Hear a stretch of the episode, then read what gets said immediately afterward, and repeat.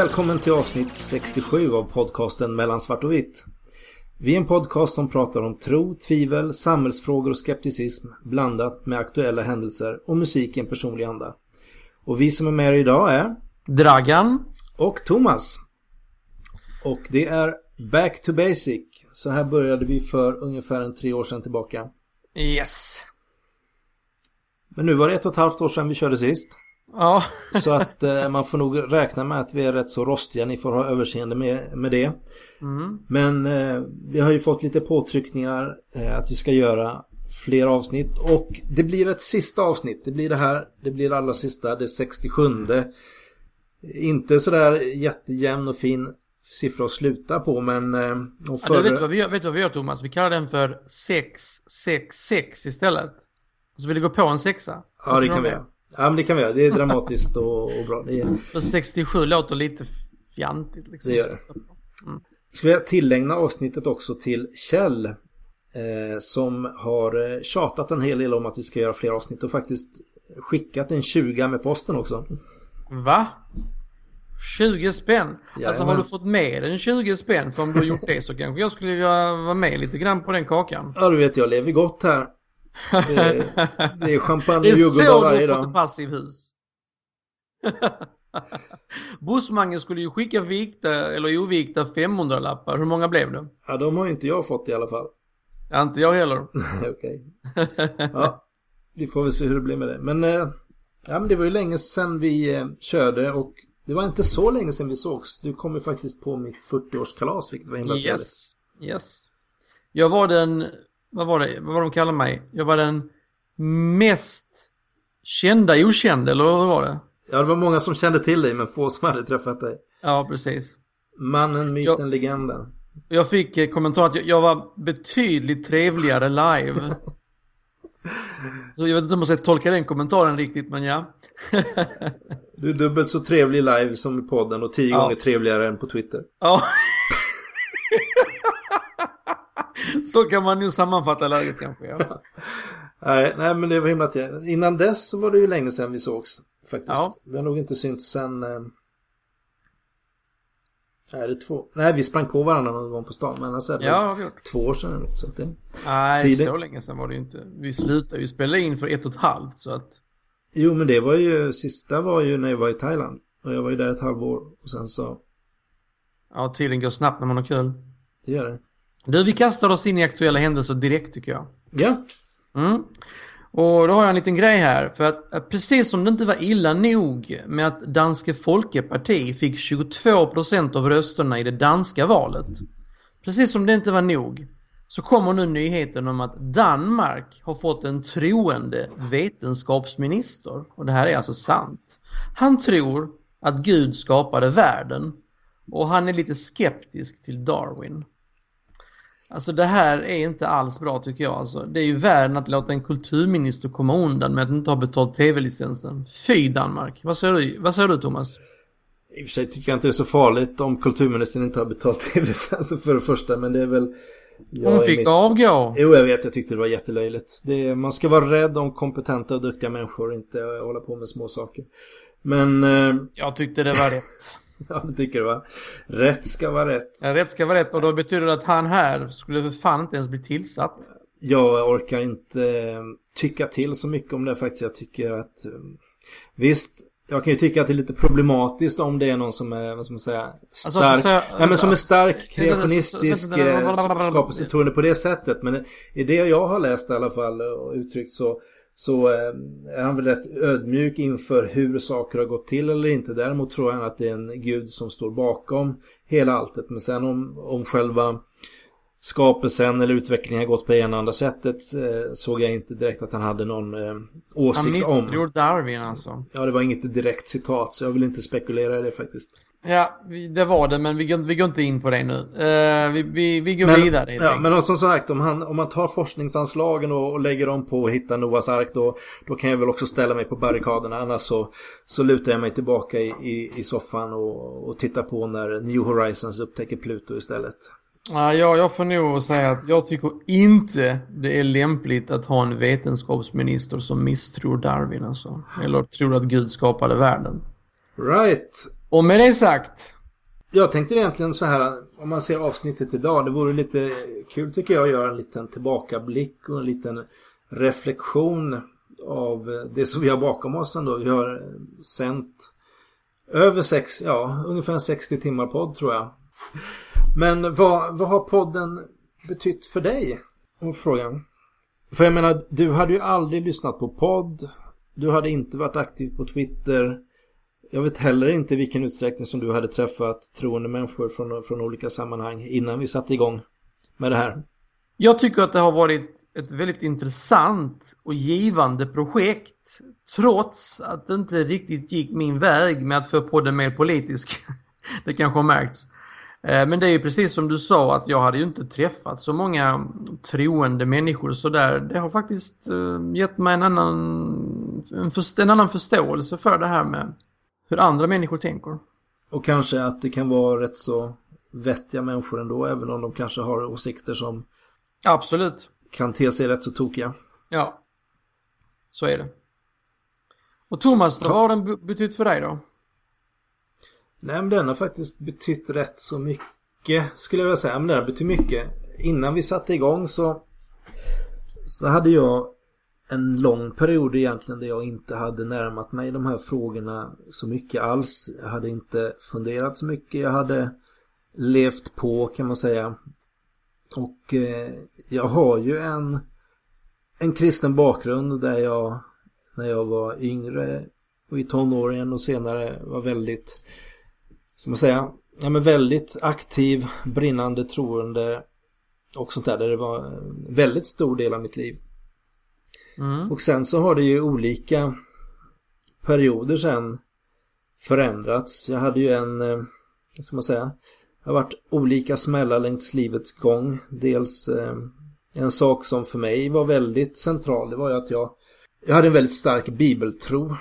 Eh, och eh, det var egentligen mycket starkare för mig än det här med kanske andliga upplevelser och så. Jag har aldrig varit någon som kanske har upplevt sådär jättemycket eller talat i tungor eller ja, varit sådär väldigt andlig inom citationstecken. Men däremot så var jag väldigt bibeltroende och det fick väl sig en smäll då när jag flyttade ner till Lund och läste teologi. Det är lite roligt då att när man läser teologi och läser bland prästerna att man tappar en hel del av sin bibeltro. Men det var det händer mig och det vet jag händer många andra också. Eftersom man speciellt när man kommer från frikyrkan kanske inte är så van vid den bibelkritiska hållning som, som man faktiskt har där. Sen så blev det också så här att jag bröt upp kan man säga med min eh, frikyrka bakgrund eh, en del när jag kände att olika strömningar då som, som hade, som säga, överandliga nyanser eh, tog fäste. Det var ju både Toronto-välsignelsen om det var lyssnarna som kände till den där det var mycket mycket att det spreds hysteriska skratt och folk låg och skakade på marken och Livets Ord härjade ju på 80 och 90-talen och flera kompisar och så som försvann i de sammanhangen som gjorde att man ja, kände att man inte hörde hemma. Nej men sen som sagt jag har ju också alltid haft, vad ska man säga, en analytisk och kritisk sida liksom. Eh, och när vi satte igång podden här så jag beskrev ju mig som en eh, En tvivlare. En tvivlare. Är, är du fortfarande kristen, Thomas? Kristen skeptiker eller en tvivlande troende eller vad jag nu kallade mig. Eh, och eh, som det är nu så så kallar jag mig inte för troende längre. Okej, vad kallar du det för då? Jag vet inte om jag behöver kalla mig eh, så mycket men ska man använda definitionerna så eh, Visst, eh, jag är en ateist idag. Oh yes! Då lyckades jag ju. ja, så kanske man kan se på saken. Eh. ja, ja, det ser man. Det, var nog, det blir nog en surprise, surprise för lyssnarna. Det vet jag Egentligen så är det faktiskt inte så mycket som har ändrats som man kanske kan tro. Jag tror nog inte, eller inte tror, någon större skillnad mot vad jag gjorde innan Eh, det kanske ja, så att... Du, var, du, du betecknade ju som jo. tvivlare liksom. Jo, det fanns precis. någon gnutta, eller ja det fanns ju, eller det gick väl lite upp och ner då, eller var det? Ja, det vet jag inte. Men det fanns väl något enstaka korn tro kvar i timglaset. Och dels så rann väl de där sista kornen ut. Men sen har jag, det har slått mig mer och mer att det som egentligen har förändrats det är eh, identitetsfrågan. Alltså det här att eh, eh, i och med att jag har varit kristen i hela mitt liv och det har också varit någonting som som har definierat mig mycket och jag har varit i opposition. Nästan alla runt omkring mig i skola och liknande var ju inte kristna. Mm. Och jag var kristen och det var någonting som stod ut, det var någonting jag stod för. Eh, jag gjorde en hel del val eh, beroende på att, att jag var kristen. Eh, till skillnad från andra och sådär. Men det har jag märkt nu att den identiteten har försvunnit och det tror jag faktiskt att podden också har varit ett en komponent i det. Just att eh, att man via det har träffat mycket människor som kanske har gjort samma resa. Eh, det är faktiskt av de människor som vi har fått kontakt med via podden så många av våra hardcore-fans eller de som har varit mer intresserade har faktiskt kommit från, från kristna hållet och sen förlorat tron eller slutat mm. att tro av olika anledningar. Och i och med att man inte har identiteten på det sättet längre så, så märker jag också att, att man börjar se på, på olika saker som, eh, som sker i kyrkan eller så på ett ja, man ser det lite utifrån och då helt plötsligt kan man se att saker känns helt absurda som man inte reagerade på innan. Okej okay, Thomas, då kan jag alltså bocka av det på min bucketlist, omvända Thomas. Ja, det kan du göra. Den bjuder jag på. Nej, men bara som ett exempel på en sån sak som eh, kan kännas lite absurd. Jag var rätt så nyligen så var jag på ett barndop i Svenska kyrkan. Och eh, då är det ju en typ av befrielsebön som man gör för barnet. Eh, och eh, där prästen bland annat säger så här Gud, du som ensam räddar från allt ont, befria barnet från mörkrets makt. Skriv hans namn i livets bok och bevara honom i ditt ljus nu och alltid. Eh, och just det här att barnet skulle behöva befrias från mörkrets makt eh, som spädbarn. Det, plötsligt så kändes det som en rätt så brutal sak att, att säga. Konstig sak måste det väl också kännas? Jo, nej men och, och, då förstår jag, då förstår man lite hur kanske andra upplever saker när de kommer till kyrkan eh, som kommer utifrån. Mm. Så att det, det, märker jag lite nu också. Sen, sen är det fortfarande så jag trivs ju allt som oftast bra i kyrkan och med, eh, med de, vad ska man säga, församlingsmedlemmar och så i olika församlingar. Allt från liksom Svenska kyrkan till Pingstkyrkan och sånt där. Så att eh, lite kyrklig är jag nog allt fortfarande. Om man får säga så, men inte troende. Men det är mer traditionellt då liksom? Traditionellt, socialt, vad man nu vill kalla det. det ja. Vi skojar ju lite om det i det här första aprilavsnittet, det här med den draganistiska kyrkan. Eh, lite utifrån att det faktiskt skapas, eh, vad ska man säga, sekulariserade kyrkor eller artistiska kyrkor lite runt omstans i världen. Och det är ju på grund av att det finns väldigt mycket i själva kyrkan som är bra i just både allt mellan gemenskap över olika åldrar till eh, att man sjunger, pratar om viktiga saker som rör livet och sådana där saker. Men eh, har, ja. du tänkt, har du tänkt på en sak Thomas? Ja. Du är ju inte allt båg i det avsnittet. Nej, nej det, det är det som är Det är inte första april nu så att... Eh... Nej, precis. Så, att, eh... så nästa steg är väl att, att skapa den här draganistiska kyrkan for real då? Ja, jag vet inte om jag orkar det. det är du kanske inte riktigt beredd på att ta, ta sådana jättekliv än. Men ett, vet du vad som är ett problem med eh, kyrkan? Nej.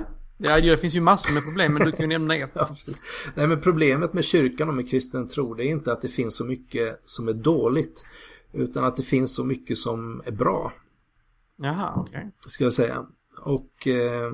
Ja men det är ju den här cherry pickingen som vi har varit liksom och, och belyst lite grann i en del avsnitt att, att många väljer och tar, tar ut de här fina bitarna och sen så glömmer man allt det hemska som står där. Jo men det handlar lite om ens förhållande till Bibeln och hur man hanterar det. Men nu pratar jag mer om eh, om liksom eh, kyrkan och församlingen och vad man liksom eh, engagemanget via kyrkan och allt det här liksom. Det finns väldigt mycket som är bra, väldigt mycket i min uppväxt som jag är glad och tacksam över och som har varit väldigt positivt liksom. Och eh, det skulle varit mycket lättare om saker var dåliga och hemska eller tokiga hela tiden. Då, då är det mycket lättare att liksom vända sig ifrån någonting. Men det är ju svårare att, att liksom eh, gå ifrån någonting som är eh, väldigt bra på många sätt och vis. Mm. Så att, eh, ja. Men du har inte blivit eh, lite sådär smygtroende eller så? Nej Thomas, tyvärr. Det hade, det hade, det hade, varit, en, det hade varit en ännu bättre avslutning att, att du blir ateist och jag blir tvivlare. Det hade, det hade varit en riktigt bra avslutning, men så bra blev det tyvärr inte. Men sen som sagt lite vad podden har betytt. Framförallt tycker jag det, det roligaste har ju varit alla människor som eh, man har träffat eller som hört av sig på olika sätt. Eh, vi hann ju knappt sätta igång med podden innan vi fick ett mail från Filip. Mm, det stämmer. Och plötsligt så var vi hembjudna på ölprovning. Ja, det var ett intressant möte. Ja, det var det. Så att eh, det var en bra start. Ja, absolut. Har du några fler avsnitt som, har du några speciella avsnitt som liksom där du som har betytt eller som du kommer ihåg något speciellt för? Om man, vi, vi kan ju ta börja från början och se där. Vi började ju lite stapplande. Dels första avsnittet som vi spelade in glömde vi att spela in. Märkte vi när vi hade spelat in det. Så vi fick ju göra om allting från början. Mm, stämmer. Eh, och eh, så vi hade lite första trevande avsnitt. Eh, sen så det var lite speciellt i avsnitt fyra där när vi pratade dels tungotal och lite om det sekulära samhället för att eh, då stack jag ut på min första intervju, träffade Mattias Everborn, pastor och pratade om tungotal och satt i hans, eh, i hans sovrum där och äh, jag tyckte det var det var intressant intervju faktiskt. Jag kan spela ett litet eh, exempel här. Så hade vi en dam i församlingen som jag växte upp i som, som alltid rabblade samma ramsor. Jag kan den fortfarande. Så här, Alla Masaino Sissini Masaino. Alla Masaino Sissini Masaino. Mm. Lite darrig röst. Va? Den kommer jag liksom alltid komma ihåg. Ja. Och det känns ju också lite så att om det skulle vara Nej, jag vet inte. Det, det, gjorde mig också väldigt skeptisk att det var liksom alltid samma sak som hon satt och mm. sa liksom. Ja. Uh, ja, men sen jag kan känna det att uh, det är ju på sitt sätt synd då att det är så okontrollerat i församlingen. Att man liksom släpper fram det här personliga tungotalet och uh, nästan Går man ännu mer åt trosrörelse, Livets Ord så liksom så vill man blåsa upp ännu högre och säga nu prisar vi Gud i tungor och, mm. och, och så vidare då. Och det, mm. det, från min kristna syn så skrämmer det bort väldigt många också. Mm. Um. Jo, eh, och jag tycker att man hanterat det ovist på, på många sätt och man har inte riktigt förstått eh, i vilka rum och sammanhang olika saker passar. Det är ju så att när vi har när man har gäster hemma hos sig mm. så, så slår man sig oftast ner i vardagsrummet. Mm. Och där är det möblerat på ett visst sätt. Mm. Och, och, och, där har man ett visst typ av socialt samspel. Mm. Men sen har man också andra rum och nu är det ju faktiskt Är det sovrummet kanske då som är taget Nu är det faktiskt att vi sitter här i, i, i mitt sovrum. För att det var det enda rummet vi kunde stänga om oss ordentligt ja, här. Och, och, och eh, jag skulle ju beskriva eh, den innerlighet, om vi fullföljer analogin här mm, då. Att ja. det är mer ett sängkammarspråk okay. eh, ja. än ett vardagsrumsspråk. Men tror du, är det någonting som alla kan få liksom? Jag tror... Eh, ja, här har jag liksom inte något enskilt bibelord att peka så här Nej. direkt på som gör att jag skulle kunna säga med all tydlighet. Men jag tänker nog att det är något rimligt i att eftersom det är det här personliga så, så borde det kunna vara tillgängligt för alla på ett eller annat sätt. Och sen kan man få vara olika rikt utrustad eller så i det. Eh, jag är inte heller övertygad, för jag vet ju att det här med tungomålstal förekommer inte bara i, i, i kristen eh, miljö. Mm. Utan det finns ju andra religioner och så här också. Eh, och det finns i okulta sammanhang och det finns så här. Mm. Så att egentligen kanske jag skulle beskriva tungomålstalandet som en mänsklig kapacitet. Mm. Någonting, vi kan alla jollra mer eller mindre. Mm. Så. Men vad som är, är då det att det är ett inspirerat mm. joller. Mm. Det är någon, någonting som Guds aktivitet hos mig väcker någonting hos mig som får mig att uttrycka mm. någonting tillbaks. Mm. Ja, det var ju intressant Thomas. Ja. Eh, ett eh, avsnitt som blev lite märkbart för min del är ju det här eh, avsnitt 6, Är människor djur? Det blev ett rejält ifrågasättande kring det jag sa i det avsnittet och det förföljde mig långt efteråt och jag återkom då och då. Ja, det kan man snacka Twitterstorm. Ja. ja, nej det, det, det blev som det blev. Ja. Sen skulle jag nästan säga att vi breakade lite i, eh, i avsnitt 8 i alla fall. Första med eh, när vi hade Stanley Sjöberg och eh, Jakob Ståhle som drev sajten och Twitterkontot Ateistbibeln. Mm. När de debatterade Bibeln där.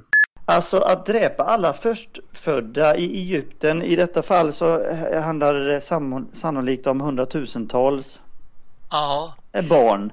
Alltså, eh... där, där håller jag med dig om att det är jättesvårt. Och det finns några liknande ord som även jag har liksom ryggat tillbaka inför. Men om du då tänker på att under 400 år så höll man på att försöka slakta ner varenda gossebarn. Och mammorna fick gömma undan de här små barnen därför att man skulle döda alla judiska pojkar. Och därför så födde man sina barn och gömde dem. Och det var en ständig kamp på liv och död för att kunna överleva som folk. Till slut så säger Herren, nu ska ni egyptier som iskallt uppträtt som Hitler i Hitlersyndromet. Nu ska ni få smaka på vad det här innebär. Så att varje barn i Egypten den natten, alltså varje förstfödd dog. Och det blev en förtvivlan över Egypten. Och plötsligt kanske man insåg vilket helvete man hade orsakat genom generationer utav förintelseiver mot judarna. Jag tänker i sådana här eh, actionfilmer och sånt där så kanske det är mördare som seriemördare och sånt där som de får tag på. Sen när de fångar honom så huvudpersonen han står med pistolen och så säger han nej vi ska inte göra oss lika illa som, som mördaren. Jag ska inte göra mig själv till en mördare. Men här, här känns det ju som, som Gud på något sätt ger efter för den frestelsen. Ja, och där, där mina vänner så jag har helt eh, djup förståelse för att även jag kan eh, se handlingar från Guds sida där jag känner förtvivlan och jag håller med att jag begriper mig inte på hur kunde Gud, hur kunde Gud göra så? Eh, det enda då som jag har försvarat med och det är med stor bräcklighet att då kanske Gud tänker så här att det, om det är som det var och det finns exempel på att det var eh, en, en oerhört svår situation eh, ondska och Gud, Gud tar initiativ till deras död och de, de, de tas bort. Men då tänker han så här. De där är så hopplösa så det är ingen idé att låta dem leva längre. Utan jag dödar dem men vad han gör när han dödar dem det är ungefär som när, han tar, när, när, när en höna eh, hackar på ett äggskal där den vet att här är en liten kyckling. Och Gud tänker, jag tar hem dem till mitt himmelska hem. För där kan jag ändå förändra dem. För där kommer de utanför in, ondskans inflytande. Och där tror jag på en enorm Guds kärlek och barmhärtighet. Står det, förlåt, står det också med efter det här då så att säga? Eller, eller är det din tolkning att Gud resonerar på det sättet? Ja, det tar lång tid om jag skulle få förklara hur jag tror på att Guds kärlek och den stora försoningstanken. Men vänta, vänta det är ju vad du... Det är vad du tror va? Alltså står det, stå, står, det, står det i när han har dräpt de här förstfödda, står det sen att han tar hem dem i sitt, i sitt rike och så vidare? Ja, står det, det också i, i Ja, det, inte just där, men det står i Kolosserbrevet. Jo, men är det någon koppling däremellan då? Jag vill säga, ja, det, det, är ingen ja. tröst för en jude att det står i Kolosserbrevet kan man ju säga. Jo då, jo då. Därför att det står så här om att allt som är skapat och det handlar om alla. Om det, det handlar om synliga och osynliga, tronfurstar, herradömen, makter och väldigheter. Allt som är skapat kommer att försonas och mötas utav Guds barmhärtighet. Men det, alltså det känns ju lite konstigt att prata om, om eh, Guds barmhärtig, eh, barmhärtighet i eh, kontexten när vi pratar om, barnamord här som är, är gjorda på Guds befallning. Men det, du ser det som att, att man får komma till ett bättre ställe helt enkelt, att barnen...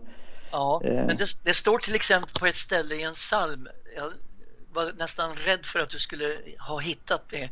Där, där, där psalmisten säger att sälla är de, eller saliga är de som får se hur era barn blir Krossat. krossade mot klippan. Ja. Mm. Men Stanley, har du något mer bibelställe som du var rädd att Jakob skulle hitta? Nej, det, jo det är klart. Därför att det finns många sammanhang i Bibeln som jag får jobba med oerhört. Ja, men det var kul. Det var många som lyssnade och eh, gjorde att vi podcasten spreds lite mer. Vi hade ju tanke på att göra en uppföljare på den live. Men eh, det blev ingenting med det. Nej. Eh, är inte, är inte det avsnittet också det som flest har lyssnat flest gånger på? Det är kanske flest som har lyssnat på det om och om igen tror jag. Ja. Men sen tror jag faktiskt att det är avsnitt 13 där vi har Newton-bloggaren Johannes Axelsson eh, versus eh, Anders Hesselbom. Tror mm. jag är vårt mest lyssnade avsnitt rätt så överlägset faktiskt. Ah, och okay. eh, det som eh, jag fick också väldigt bra kritik för det. Uh, tack både till eh, Johannes och Anders som ställde upp och att det var en bra ton tycker jag i, eh, i den I debatten. debatten. Och här kommer tycker jag, ett, en rätt så bra utläggning från Anders här om jordens ålder. Accepterar du att vi är släkt med neandertalaren och i så fall då närmare släkt med den än vad vi är med schimpansen givetvis då?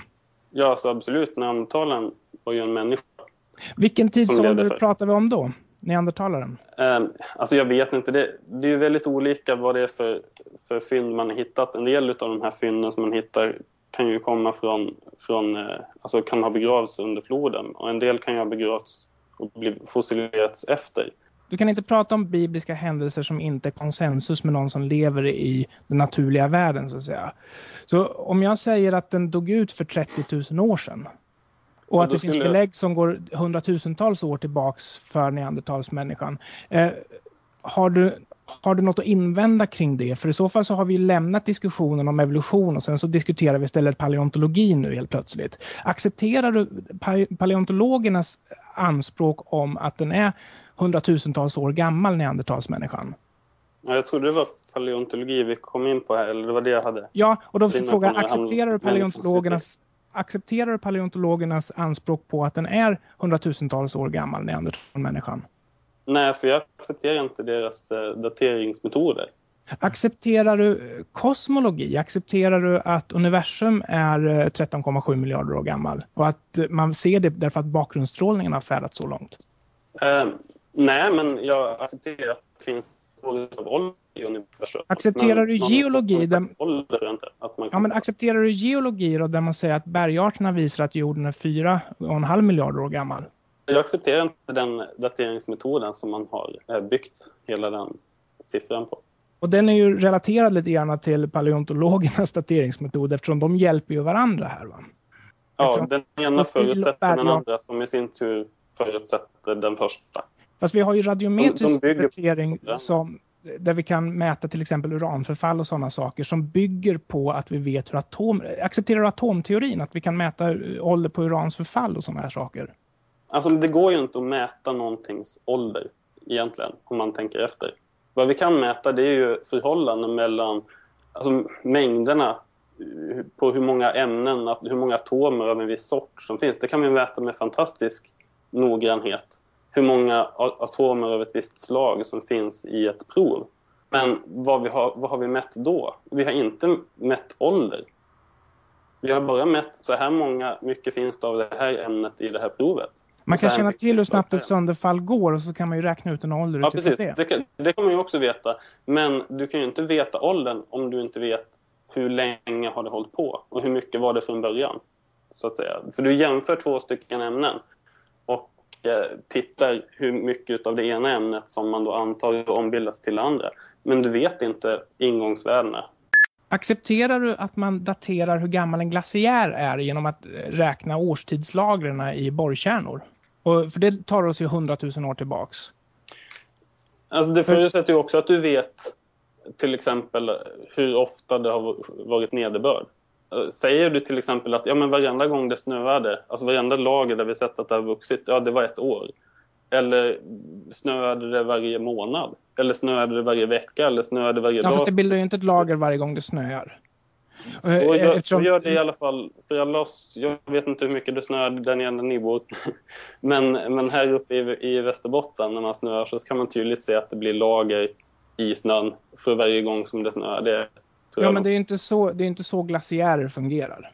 Därför att då ligger det under tryck. Men om vi tar en annan dendrokronologi, det vill säga accepterar du att träd får en ny årsring varje år? För det tar oss ju 11-12 tusen år tillbaks. Um, ja, men likadant där.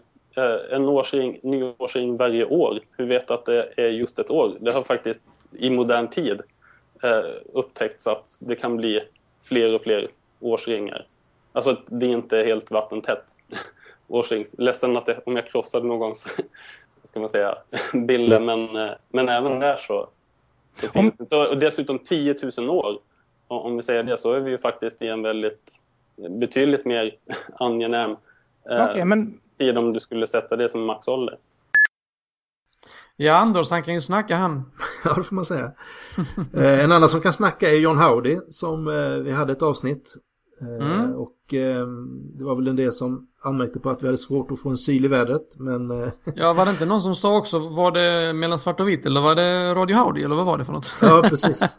Och de kör ju på fortfarande, vet jag. Mm. Så att de har många avsnitt på sin... på sitt samvete nu. Ja, de har ju fler än hundra. Ja då, mycket mer. Sen tyckte jag också det var kul, vi hade Per Eriksson eh, i avsnitt 12 som var rektor på Lunds universitet eh, vid den tiden. Han eh, bjöd på sig själv en hel del tycker jag. Och eh, avslutade som Mickey Mouse. ja, just det. ja, det var rätt ball. Ja. Fast det klippte du väl bort? Nej, Var det med? Är det med i avsnittet? Ja. Jag har glömt. ja. Och vilka... Vad var det? Mickey Mouse där eller? Jag vet inte vad det var. ja, ja. ja men, men Per Eriksson är nog kvar tror jag.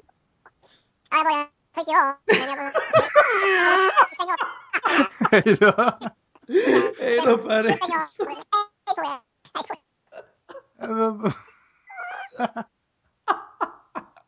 Någonting som eh, var rätt speciellt för mig eh, det var avsnitten med eh, Bror Sally och hans eh, vänner på Hikma-institutet där jag var i Malmö två gånger och satt i direktsänd muslimsk webb-tv. Mm. Eh, och diskuterade olika saker. Ja, det var ju ett intressant avsnitt. ja, men det var det. Och det var även telefonväkteri där de fick ringa in och ställa frågor till mig. Ja. Det är rätt så absurt men väldigt, väldigt roligt faktiskt. ja, ja. Sen en liten milstolpe också tycker jag längre fram ser vi i avsnitt 23 så då hade vi tant Erik, före detta Jehovas vittne, som också var en av personerna som torkade aldrig tårar utan handskar. Eh, ja, den serien. På. Precis ja. Och han hittade du någonstans? Ja, det var, eh, jag, alltså jag läste, jag läste det i någon, någon tidning. Så det var Aftonbladet, som såg en bild på den. tänkte men det här är ju intressant och det passar med podden och så. Så jag, jag skickade ett uh, tweet till, till uh, Erik då. Och han nappade. Ja. Ja, Sen du... nappade han var med och var med på några avsnitt framöver också. Absolut, jag tror han är på en 12-13 avsnitt så att... Ja. Eh, och väldigt uppskattat också. Mm, och det var ju ett tag sedan vi pratade med honom. Jag vet inte, vi kanske ska slå honom en signal och se hur det är med honom. Ja, ring honom. Ja. Jag vet inte om jag har rätt nummer, men vi, vi testar. Det nummer du önskar nå är inte i bruk. Var vänlig kontrollera numret och försök igen. The number you are calling is not in use. Vi ska prova hans Skype-nummer också. Sen är klockan kvart över tio också. Det kanske är lite sent. Nej, det är okej. Ja. Det är sommar. Man får leva med det.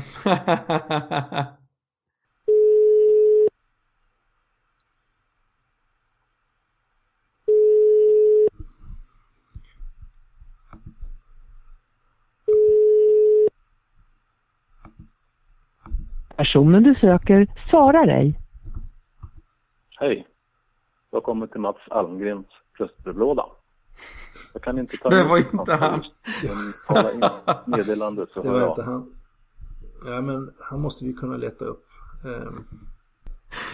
Du ger dig inte i första taget om man säger som så. Nej. Det gör jag inte. Sen får vi jag älskar din, ditt engagemang. Alltså, jag hade gett upp för länge sedan kan jag säga. Det hade du. Ja, nu ska vi Ja, vi får se om vi får ta. Vi kör, vi kör vidare så får vi se om, om vi får Erik på tråden. Sen så hade vi ett avsnitt 24 där, Humanist med en twist. Och eh, där måste jag säga att du hade en helt lysande monolog. Det är nästan jag kan ta upp och lyssna på den ibland för jag tycker den är så bra. ja, den är jag faktiskt rätt stolt över. Den var bra. Ja. Den får vi nästan spela upp va? Absolut. Här kommer den. Om man ska provocera lite grann med glimten i ögat så skulle man kunna säga så här. Människan har av någon konstig anledning alltid försvårat saker för sig själv när många saker och ting faktiskt är väldigt enkla. Om man ska ta ett exempel som är relaterat till mycket av det vi tagit upp i den här podcasten så kan vi ta det här med folk som inte tror på någon gud. Där ingår ju jag. Man har fått göra sig bekant med begrepp som ateist, nyateist, antiteist, sekulär humanist, humanist och skeptiker. Sedan så finns det det som går ännu längre och kallar sig för agnostiska ateister och försöker göra sig märkvärdiga med detta och placera in sig i någon akademisk parentes som inte finns. Om vi struntar i dessa avarter som inte ens Christer Sturmark kan ge sitt signum på och tar två mer bekanta begrepp. Medan ateisterna förhåller sig till en gud och säger att de inte tror på en så säger humanisterna att de inte förhåller sig till någon gud och har en livsåskådning. Bra, förutom att det finns troende grupper som också kallar sig för humanister och det ser ju inte så bra ut va. Det finns en risk för förvirring. Sedan så finns det det som kallar sig för antiteister. En ateist med en twist blir en antiteist. Hänger ni med? Ja, det är inte lätt. De som följt den här podcasten vet ju att jag kallat mig för humanist. Efter många diskussioner så fanns det vissa som tyckte att eh, jag inte riktigt kom med den humanistiska livsåskådningen. Vad blir jag då? En humanist med en twist blir en draganist? Eller ja, ja, så där kan man ju inte liksom bara hitta på en massa begrepp. Man blir ju snurrig till slut. Eh, så att, men man kan inte bara klaga på det som finns utan att ge ett förslag. Så här kommer mitt förslag och en motivering. Jag tycker att begreppet troende är bra. För att tror man på gamla sagoböcker, Gud, jultomten, magi och allt möjligt övernaturligt så passar ju det ordet väldigt bra. Och för oss som inte tror på något övernaturligt, jag föreslår ordet tänkande. På samma sätt, på samma sätt som 1 plus 1 är lika med 2 och inte 3 eller 4 så fattar man att om det inte finns någon evidens för något övernaturligt så finns det inte heller. Så det som inte tror på Gud blir då tänkande och det som tror på Gud eller jultomten är troende. Sedan så har vi ju agnostikerna, de där mittemellan, det som inte vet. Det finns ju flera betydelser för agnostiker har vi ju kommit fram till. Jag tycker vi skrotar agnostiker och ersätter det med förvirrad. För att Kan man inte tänka och vet inte vad man ska tro på så är man ju faktiskt rätt förvirrad. Så skrota alla konstiga begrepp och använd begreppen tänkande, troende och förvirrad är mitt förslag. Vad säger du om det Thomas? Är du förvirrad? Ja, nu är jag förvirrad. och där var Draganisten född. Så var det. Och du heter väl fortfarande Draganist på Twitter va? Det stämmer bra det. Sen vi hade ju fortfarande, vi hade ett eh, avsnitt till med Jakob Ståhle. Och eh, han gav ju faktiskt ut en bok eh, för ett tag sedan eh, som just heter Tokiga bibelord med olika bibelord som är illustrerade med, eh, med teckningar i serieform kan man säga. Jag vet inte om mm. du har sett den? Jag har sett eh, framsidan på den. Ja, jag var faktiskt med och sponsrade, sponsrade den utgivningen där så att eh, jag har ett antal ex av boken hemma. Och eh, jag tänkte väl egentligen först till kvarn. Eh, vill ni ha ett ex av Jakob Ståhles bok Tokiga bibelord så eh, twittra till eh, mellan svart och vits Twitterkonto eller skicka ett meddelande på hemsidan. Så eh, först till kvarn får en eh, bok. Får jag fråga, hur mycket sponsrar du med? Eh, jag tror 500 spänn tror jag. Ja, okej. Okay. men det är bra. Ja, eh, ja, men jag tycker väl så här. Att eh, jag gillar folk som tar initiativ och som lägger ner eh, sin eh, själ och energi i saker. Och det kan man ju verkligen säga att Jakob har gjort. Absolut. Sen hade vi ju ett intressant avsnitt med The Zeitgeist Movement. Och eh, det avsnittet blev ju inte alls som jag tänkt. För den här representanten för The Zeitgeist Movement och jag hade olika uppfattningar kring en hel del grundläggande stenar inom The Zeitgeist Movement. Heter det inte Zeitgeist? Jag har till och med förträngt vad det heter. Hör jag här. okay. The Zeitgeist Movement. Jo, det är... Vad sa jag då? Zeitgeist. Det är väl tyst. Ja, men man, kan, man, kan, man, kan, man kan uttala det lite hur som. Okay. Men hur som helst, du tyckte ju det var väldigt kul att vi inte, att vi inte riktigt hade samma Ja, det kanske var. Jag får hitta det då. Ja. Vi klipper in en liten uh, filur därifrån. Filur. Så jag får säga något annat. Vi klipper in ett litet avsnitt därifrån. Jag måste ta reda på vad vetenskapen vill mig, känner jag. Men det jag tycker är svårt med det här det är ju på något sätt som man alltså, har en tro att vetenskapen på något sätt gör saker på egen hand. Eh, så. Bara man har smarta vetenskapsmän som jobbar så så liksom så löser man alla problem. Mm. Ja. Jag får inte riktigt ihop det faktiskt och sen...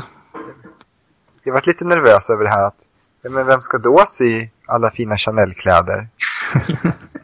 ja, men det kan ju... Ja. ja, precis. Vem ska då göra det? Det får ju du göra. Ja, och jag kan inte sy. inte alls. Du kan lära dig. Ja. Men vad, vad säger du Dragan? Det, Um, jag blev lite orolig när, när, för du sa, var det demokratiskt eller det var inte demokratiskt heller och då blev jag lite orolig. Mm. Kände jag spontant. Uh, men ja, jag, jag var ju, jag, det var jag som hittade det här. Jag, jag, jag har läst om det här för, för några år sedan. Och då var ju Sciengeist och eh, Venusprojektet eh, ett. Det är de inte nu längre fick jag ju, fick jag ju höra. Så jag, jag behöver nog eh, gå tillbaka lite grann och, och, läsa lite mer om dem jag ska komma med en slutlig bedömning om vad jag tyckte om det här så att säga. Jag behöver nog fördjupa mig lite mer. Sen så hade vi faktiskt ett live-avsnitt där både du och jag och eh, Erik träffades på en mm. Eh, restaurang i Malmö. Mm. Och där jag smyginspelade det hela. Yes. Du var lyckligt eh, ovetandes om att eh, mikrofonen var på. Erik hade väl lite på känn. Mm, så var det ja. och så här lät det när du insåg att jag spelade in. Du har, du har smygspelat in oss va? Ja, allting. Ja, jag vet det. Jag såg det när du kom. Har du spelat in det? Ja. Hela, hela vår... Nej. Men inte för att vi ska använda det, men bara för att... Eh... Jo, det här är jättebra Jag satt och tänkte så här, tänk om man spelar in allting. Ja, men det är klart! Har du spelat in allt? Ja. Nej. en annan rolig sak där var ju att eh, jag mitt i allt det här tappade mobiltelefonen på gatan. Och att man hör hur någon går och hittar den här mobilen, åker hem i en taxi, försöker ta reda på vems mobilen är. Eh, och sen så kom jag dit lite senare och inspelningen har varit på hela tiden. Sen har vi det här avsnittet med kvalitetsindex på flum. Det var nog något av det flummigaste avsnitten vi haft. Eh, alltså bara idén om ett kvalitetsindex är ju helt absurt. Eh, och det blev ju en hel del aktivitet på hemsidan efter det avsnittet. Det är möjligt. Jag, jag minns att jag var lite ur form den gången och att eh, du pressade mig ganska hårt. Ja, det gjorde jag verkligen. och att jag hamnade i ett hörn och sen så eh, blev det så här. mm. Men är, är, vi överens om att alla, alla de här, alltså både rallianer och den kristna, de ska ju behandlas med samma respekt? Oh ja. Är vi, är vi överens men det är om det? Men det är svårare. men där har du en poäng med normaliteten. Jag personligen tycker att, att eh, men det är lite omvänt faktiskt. För egentligen borde det kanske vara lättare för mig att, att uh, vifta bort uh, sådana här väldigt konstiga och märkliga tankegångar jämfört med kristendomen. Men mm. för mig är det faktiskt, har det blivit lättare att, att uh, se ner på kristendomen. Därför att jag är uppvuxen så. Alla kristna religioner var fel utom den jag hade.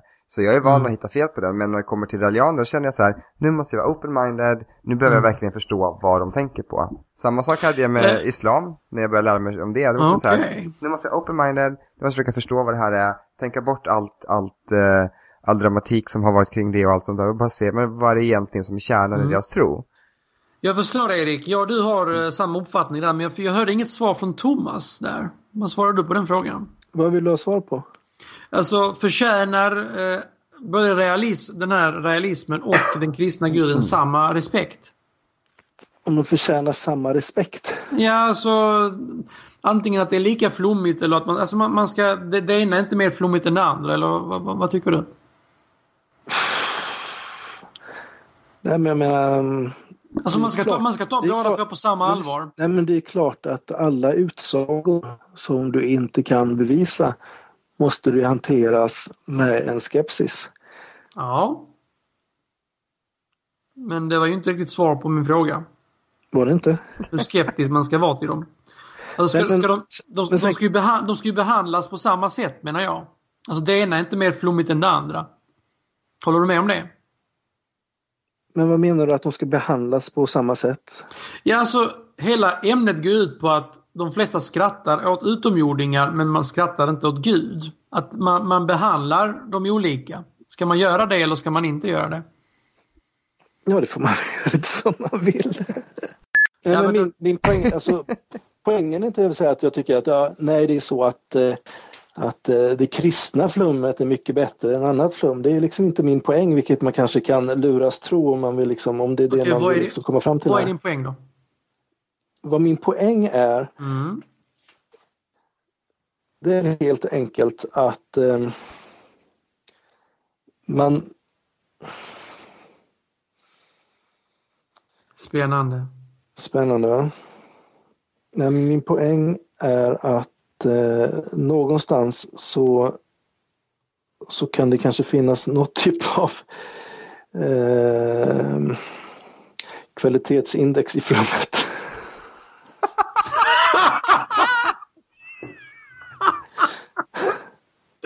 Ja, där svarar du på min fråga. Du tycker det är skillnad på flum och flum. Varför kunde du inte sagt det från början? Liksom vinkla det. Alltså, så, så kvalitets... Det här var, det här var riktigt bra. Kvalitetsindex. Vad sa du? Jag dog nu. Herregud.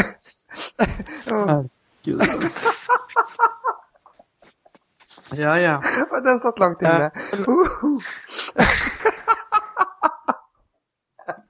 Snacka om att försöka omformulera någonting som liksom är dödfött från början liksom. Oj, oj, oj. Ska vi hålla här eller? Nu. Här, ja. Mm. Nej, men sen så vi hade ju några avsnitt eh, på temat eh, Därför slutar jag att tro. Vi hade ja. både Elin och eh, Magnus Bussmange eh, var med. En sak som jag tyckte var roligt sen också det var, jag hade ett avsnitt 42, Evangelium enligt Kreutz. Är ju en färgstark profil eh, i de här sammanhangen. Och här hade jag plockat upp hur han erbjöd en, en pastor att komma att predika i hans kyrka. Eh, vilket inte blev någonting av. Men då tänkte jag då, då hugger jag snabbt till och säger att han kan predika i, i vår podcast. Och sen så bjuder vi in pastorn som åhörare. Och eh, då kunde det låta så här. För min del hittar jag mina mytologiska livstolkningsimpulser i fornordisk kultur, tro och tradition. Och de passar mig så oändligt mycket bättre än den kristna religiositetens myter. Jag kan använda de kärva, mustiga fornordiska sägnerna och den kultur de berättades i som inslag i ett slags baslivsåskådning utan att för den sakens skull tro på några gudars faktiska existens alls. Den fornordiska kulturen är något väsensskilt från kristna parasitartade idéerna som missfärgar allt de kommer i kontakt med. Den fornordiska kulturen, den norröna kulturen, vet inte av någon synd med metafysisk, kosmisk betydelse. Den saknar ett helvete i kristen mening. Den fornordiska kulturen vet inte av någon frälsare som kräver tro för att ha makt att frälsa. Den fornordiska kulturen vet inte av någon metafysisk gud som behöver en plats bortom den fysiska verkligheten att gömma sig på för nyfikna människoblickar. Sen var vi också faktiskt först med att ha en intervju med Jesus Pettersson. Eh, som är känd som mannen som eh, har ett vakande öga på påstådda medier och sådana som säger att man kan prata med spöken och att de kan prata tillbaka eller andar. En riktig Ghostbuster. Och, eh, kunde låta så här. Ja, ja, oh ja det har, alltså, och jag säger inte nu att det inte finns någonting men det finns ju inte ett enda bevis någonstans någon gång som ens pekar på att det skulle vara sant. Mm. Och jag menar kan, kan du prata med döda så, så kan du bevisa det. Det är, inte, det är inte så svårt. Nej. Eller borde inte vara så svårt, eller? Ja, hur kan man bevisa det menar du? Ja men det är bara, alltså, och, för spöken eller de döda då kan ju, eller andarna som de säger. De kan ju alltid säga jättemycket grejer, men aldrig sitt namn till exempel. De kan ju säga årtal, men de kan aldrig säga sitt personnummer. Och som jag sa, varför kan de säga en bokstav? Varför kan de inte säga två och tre? De kan visa bilder på, eh, på bokstäver så att säga, men de kan inte visa hela namn. Varför kan de inte det? Mm. Jag förstår. Eh, hur går det egentligen till på seanser? Ja, det är ju inte jag heller någon expert. Jag har ju varit på en med Terry Evans, en stor seans då. Och det är ju också, alltså han, det var ju, det är ju, jag tror det var 400 eller någonting på den seansen jag var på. Och det är ju bara han slänger ur sig, jag har, oh, jag har en, eh, en man här som, som dog i cancer. Och så är det kanske 20 händer som åker upp ju. Mm. Och sen fiskar han vidare då, han var, ja nu vet jag, alltså det, ja den är mörk-K här och jag får en bokstav på K till exempel. Ja då är det kanske bara tre händer kvar som hade en. Och sen anpassas den ju till om det var en mannen eller om det var en bror eller om det var en morbror eller ja. Vad kostar det att gå på en sån seans? Jag tror Terry Evans tog nog bara 190 kronor. Okej. Okay. Alltså hur många var där då? Jag tror det var 400 personer med. Men det blir en 80 000 nice, i alla fall. timpenning. 80 000 ja. räknar jag till lite snabbt då. En sak som jag är väldigt glad över att vi gjorde det var att vi höll det här avsnittet om religion och HBTQ. Eh, mm. Där vi hade en eh, homosexuell muslimsk man, Ardeshir Bibakabadi, som, eh, som jobbade för att eh, man skulle ha en samlingsplats för homosexuella muslimer i Göteborg. Eh, en liten rolig sak sen det var ju att eh, han hade lite problem att skicka inspelningen till mig. Så att jag råkade faktiskt vara i Göteborg i dagarna där så att jag tog en taxi ut till någon förort där och eh, stack hem till honom för att hjälpa honom med att få iväg den där inspelningen. Och det gjorde jag lite snabbt på morgonen innan jag skulle in till kontoret i Göteborg så det var lite kul också. Ja. I avsnitt 56 så pratade vi transhumanism med min gamle vän Troed Sångberg. Och jag vet att det var nog det som Lisa hade blivit allra mest, eh, vad heter det? Provocerad. Provocerad av. Vet jag att hon uttryckte eh, i eftersnacket där. Så här sa hon.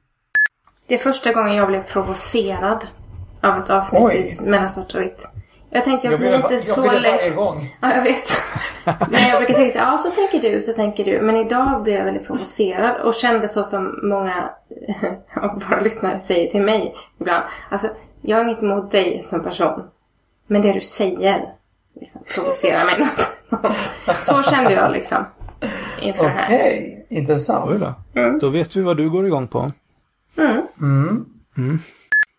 I avsnitt 57 så pratade vi med dagens journalisten Karl-Henrik Jaktlund och eh, en sak som jag tycker är minnesvärd därifrån det är när han eh, bjuder på sig själv och ger en liten tillbakablick på hur, eh, hur det kunde låta med ett drama som spelades upp på Skövdes gator och torg i mitten på 90-talet med en gammal kändis i huvudrollen. Eh, men det går ut på egentligen att, att eh, huvudpersonen då som är, bara det här är ju väldigt speciellt. Men huvudpersonen som jag då spelar det, det är ju djävulen. Och han kommer in och är väldigt så avslappnad och, och skön liksom, och säger att eh, du kanske känner mig eller kanske inte, mitt namn är djävulen. Och så, eh, på torget i Skövde liksom. Inga konstigheter en lördag förmiddag. Och sen tar han in tre, tre kompisar och ska presentera dem. Och det är då folk som har liksom... Eh, ja, en som eh, gillar att vara ute liksom och festa och så. Och då, då går det väldigt fort till att den sitter helt fast i ett missbruk. Den börjar med en cigarett och slutar liksom med, med en sid rakt i armen där. Och sen är ett liv förstört, säger jag då. Och sen, kom, och sen, sen kommer det en till som... Eh, som, som, eh, som gillar att eh, liksom, vara lite tokig och spela på hästar och sådär. Och den förlorar ju allt den äger och så är ett liv till förstört. Och så kommer den tredje. Om jag minns rätt så är det liksom en som som, bara, som typ bara gillar en tjej som gillar killar och då får hon HIV liksom. Ungefär. Eh, det är lite, lite bättre än så som det låter nu. Nu blir jag lite raljant av hela. Ja, men, det, men det har ju... Eh, det är väldigt speciellt. Och så slutar det med liksom att, att när de här tre har dött där då, och jag har förstört de här tre liven. Så säger jag avslutningsvis. Nu är det så att jag känner en del av er här ute. Och vi kommer att ses väldigt, väldigt snart.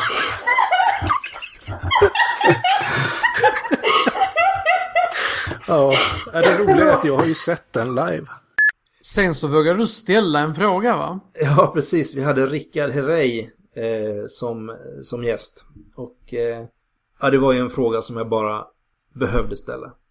Ja, jag måste fråga här också. Var du ihop med Carola någon gång? var ihop med Carola någon gång? Ja, vi, jo, vi dejtade lite. Ja, okej. Okay. Ja. ja, man var ju lite... Jag var tvungen att fråga. I avsnitt 60 pratade vi med Emilia som eh, var en ortodox eh, judinna. Och eh, det var nästan den faktiskt som skakade om mig mest när det gällde ja, men insikten om hur pass mycket religionen påverkade hennes liv med vad hon vad hon kunde eller kunde inte göra på sabbaten eller med olika regler. Eh, alltså att man behövde täcka huvudet på olika sätt och hur man löste det. Och faktiskt det, det, jag, det jag reagerade på det var att hon, hon bar peruk trots att hon hade hår. Ja, för att man behöver täcka huvudet och det... Ja, precis. Och det gör hon ju dagligdags så att säga. Ja. Mm. Så det var lite förvånande. Och sen var det faktiskt så att eh, judiska... Ja, de har det rätt tufft i Malmö, judarna. Så hon ja, hade ju valt det. att flytta till, till Danmark faktiskt. Kom det efter? Pratade du med henne efter det här programmet? Nej, men det berättade hon eh, i programmet. I programmet, okej. Okay. Ja, precis. Ja, det minns jag inte riktigt.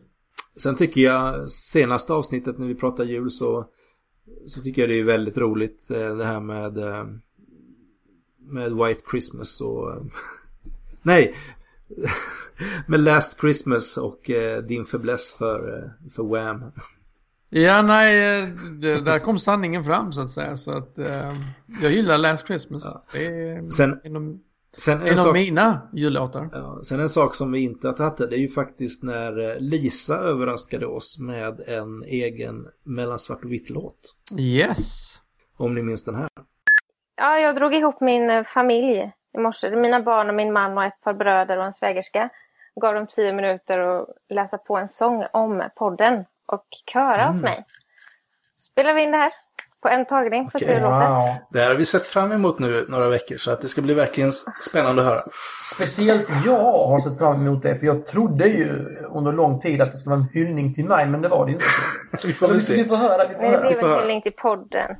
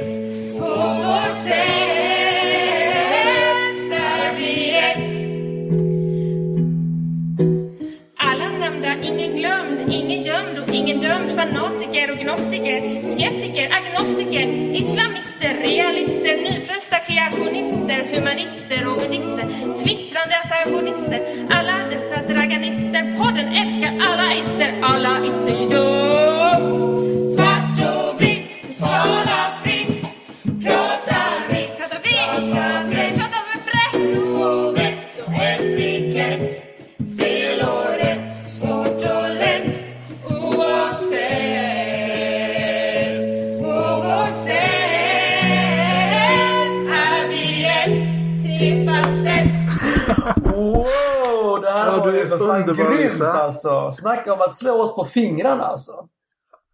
Äntligen gospel i podden! Ja, jag har nästan tårar, nej, jag fick lite tårar i ögonen Ja, faktiskt. jag fick gåshud. Speciellt när jag hörde Draganister. Okej Thomas, är det några program som du eh, skulle velat göra som vi aldrig gjorde? Ja, det är det väl. Det så hade jag väl en tanke ända från början att jag skulle vilja göra en eh, programserie om Livets Ord. Eh, dels kanske dela upp eh, den i olika årtionden, både 80-talet när de började, 90-talet och även nu senare på 2000 och 2010-talet. Och nu har vi faktiskt en incoming här från Lisa, så vi kopplar in henne ska vi se. Tjena Lisa! Hallå? Hej! Förlåt, sover ni nu? Nej, nej, nej, inte alls. Det är ju sent, inte alls. Har du en hemtelefon? Ja, Ja, jag vill bara... Det är sällan någon ringer från en hemtelefon. nej precis. Ja, Du, ja. du, jag måste bara se em, ett litet ögonblick bara. Mm. Hallå Lisa! Hallå? Vad är det här för slags samtal? Det var länge sedan. Ja, det var väldigt länge sedan. Vi sitter och spelar ja. in avsnitt, hör och häpna, 666. På med det nu. Ja, precis. Vi håller på. Ja, precis. Spelar in nu? Inte ringa dig och höra lite vad du håller på med. Sådär, spontan busringa. Ja, men nu har ni liksom sagt vad ni gör. Ja. ja. Eh, jag är ute och går eh, på Öland med min man. Mm. En kvällspromenad. Mysigt. Jag försökte ringa honom också när vi inte fick ta på dig. Ja, just då åt vi. Ja. Jag har kommit ut som ateist nu. Oj! Har du gjort det i avsnittet? Ja. Yes. Oj. I did it, säger jag bara. Grattis, nu är det bara du kvar, grattis Lisa. Höll jag på, grattis höll jag på Jaha. Tack. Så nu ja. är det bara du kvar, Lisa. Jaha. Okej, men har du berättat det i avsnittet då? Ja, det har Jaha. Hur känns det då? Nej, det känns väl inget speciellt så, men eh, vad jag insåg så här, eller vad jag har insett lite på senare tiden, det är att den, det har egentligen inte skett någon, några större liksom, saker med vad jag tror eller inte tror på. Men den stora skillnaden är väl egentligen att eh, men, identiteten, att man haft identiteten så stark i att man är kristen. Och det på något sätt har runnit av mig. Så att nu känner jag inte att jag har den identiteten längre, om du förstår vad jag menar. Mm. Okej. Okay. Kommer, du fort, kommer du fortsätta gå i kyrkan och sånt där med din familj eller tar du, gör du någon skillnad i ditt praktiska alltså, liv? Vi går rätt sällan i kyrkan redan idag så att det blir mm. kanske ingen större skillnad sådär. Men jag kan ju känna, det är vissa saker är ju svårt liksom. Det är svårt att vad ska man säga, ja, du vet man läser trosbekännelsen eh, när man går på gudstjänsten eller att eh, andra sådana där saker. Jag tog något litet citat från ett barndop här där det ändå är lite så här att eh, att barnet ska räddas ur mörkrets makt och sådär. Det kan kännas lite magstarkt sådär när man, eh, mm. om man ser det utifrån. Mm. Hur, hur, känner du Lisa nu när, när eh, Thomas har berättat det här? Liksom? Inte, inte så mycket. Så. Jag är inte så... Eh, egentligen så bryr man mig inte så mycket om vad andra människor har för, vad andra människor kallar sig Nej, men jag tänkte, mer på, ni, jag, tänkte, jag tänkte mer på, ni har ju varit på gemensamma bönestunder och sånt liksom. Eh, ja, men det var väl väldigt... Vi har, vi har lagt händerna på varandra någon gång. ja, vet inte. Men var inte vi på gemensam bönestund nyss, höll jag på att säga? Som en andakt, eller var du inte med då? Nej, jag gick inte på samlingen. Nej. Ja, nej, men jag har inte så starka känslor för vad andra mm. har för religiös tillhörighet eller vad de kallar sig. Hur har du det själv med Jesus? Eh, ja, det är väl som... Jag tror ju på något, säger jag ju. Ja. Och så är det väl fortfarande... Jag skulle inte säga att jag inte var mest kristen, för att jag, om man tror på, på något större och bor i Sverige och är uppväxt i kyrkan så då är man ju mest kristen. Så, så att det, är jag ju, men jag är inte så speciellt aktiv eller utövande. Så mitt liv skulle inte ändras jättemycket om jag hade kallat mig ateist så mycket utåt. Så det kanske hade inte varit så bra att jobba med och för kyrkor så som jag gör. Och det hade jag nog inte velat om jag tyckte att jag själv var ateist. Eh, men jag kan, tänka, jag kan tänka mig att jobba med liksom, för kyrkor så länge jag tycker att det är en bra grej och så länge jag tror att kyrkor är bra för samhället som, eh, som sak. Då kan jag tänka mig att göra det. Men om jag tyckte att kyrkor var mer dåligt än bra och verkligen var säker på det, då skulle jag inte vilja jobba med det. Mm. Ja, ja. Nej, men vi ville bara ringa och säga hej och kolla hur läget var och tacka för de avsnitten som eh, du var med och förgyllde vår podd med. Mm. Ja, Tack själva. Innebär det här att ni har tagit upp podden igen? Nej, det innebär Vilket att vi lägger ner podden. Eller avslutar ni? Okay. Ja, det här, det här är avslut och du, och du vi, kommer, vi kommer ju ta med det här vi spelar in med dig nu så att du är också ja. med i det sista avsnittet. Jag tänker mig. Ringer ni Erik? Ja, vi har försökt några gånger men vi får, vi får se om vi får tag på honom. Ja.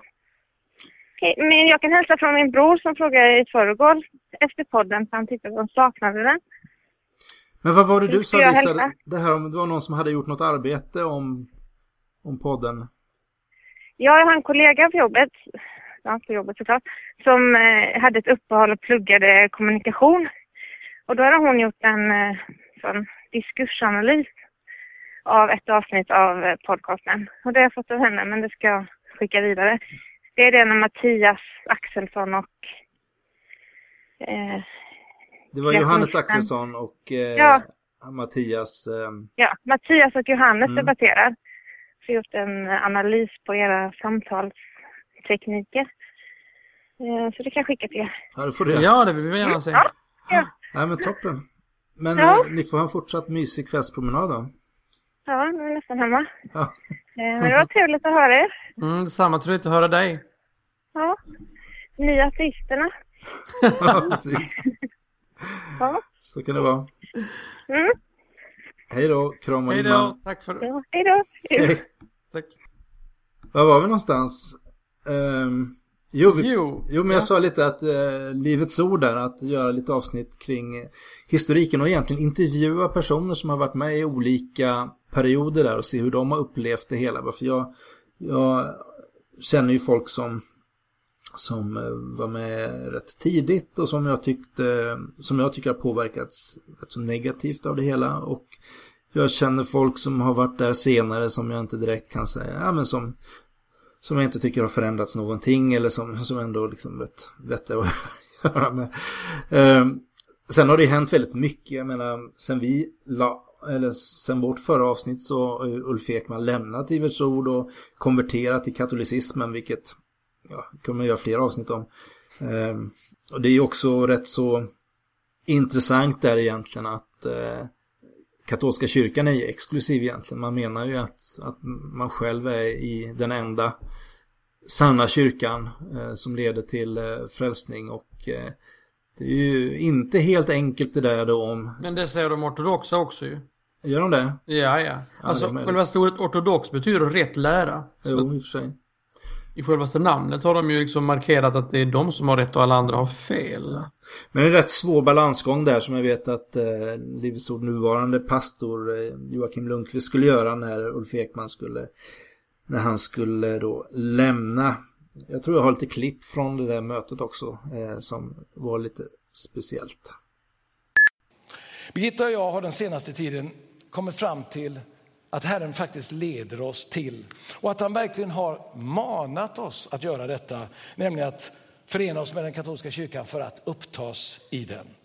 Det kan verka vara ett mycket radikalt steg. Men vi har faktiskt stor frid och stor glädje i det här beslutet. Och nu kanske du tänker, det var det värsta jag hört på länge. Eh, och det kanske det var. Och någon annan kanske säger så här, det har jag sagt länge nu. Och du kanske ropar till, kanske åtminstone på insidan. Men till er som tänker så just nu så vill jag bara säga, det kanske inte är exakt och precis just så som du tänker och funderar angående det här. Och därför så vill jag idag eh, ta lite tid och försöka förklara för dig varför och hur detta har kommit till, eh, vad det betyder och vilken väg vi har fått gå för att komma fram till det här beslutet. Uppdraget är avslutat. Men vänskapen består. Jag fick det ordet för ett tag sedan. Amen. Gud välsigne er.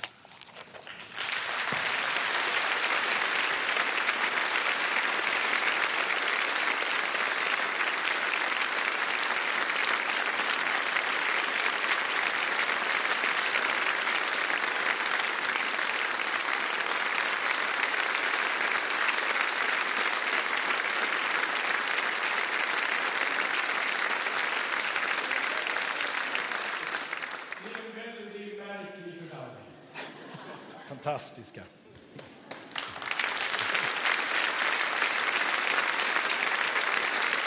Och så, men så har vi också haft en väldigt märklig pastor i 30 år. Kära dyrbara församlingsmedlem och alla ni som på olika sätt nu relaterar till Livets Ords arbete Som pastor och som ledare för det här arbetet så vill jag naturligtvis bara säga någonting om det du har hört nu. Om pastor Ulf och Birgittas eh, steg att så småningom upptas i den katolska kyrkan. Och det allra första jag vill säga det är att jag har fullt förtroende för Ulf och Birgitta och för att de lyssnar till och följer den helige andes ledning i deras liv. Därför tror jag helt och hållet tillsammans med dem att Herren leder dem i den här riktningen och jag välsignar dem från djupet av mitt hjärta. Idag känner jag ingenting annat än en djup tacksamhet för den fantastiska grund som ni har lagt för det här arbetet som möjliggör för oss att gå in i framtiden. Och jag säger samma sak till er idag som jag sa vid min pastors installation i juni 2013. Det ni har gjort, det ni har gett, det ska äras på Livets Ord för alltid.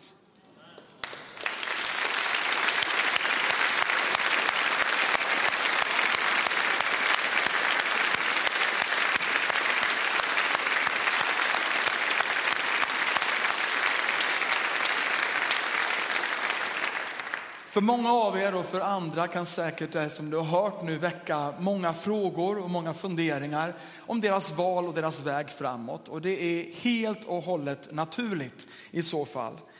Men eh, i detta så vill jag påminna dig om det tillfälle i Bibeln då Petrus vänder sig till Jesus och frågar om Johannes framtid. Han gör det kanske utifrån angelägenhet eller kanske utifrån omsorg eller kanske till och med utifrån oro. Och Jesus påminner då honom och understryker om vilket perspektiv han alltid måste bevara när han ser på andras väg eller undrar över andras framtid. Följ du mig. Följ du mig och var inte så upptagen om frågor och funderingar kring min väg för någon annan. Lämna istället andra i Guds trygga händer. Livets ord är en trosförsamling. Tro är att lita på Gud och Guds ledning. Också när det gäller andra människor och andra människors väg. Och vi förblir en trosförsamling.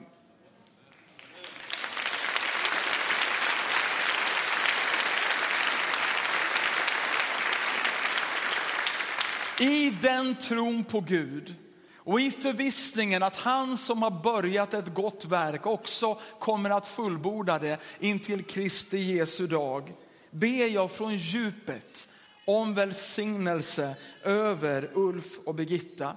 Vi går olika vägar framåt nu, men en djup vänskap består.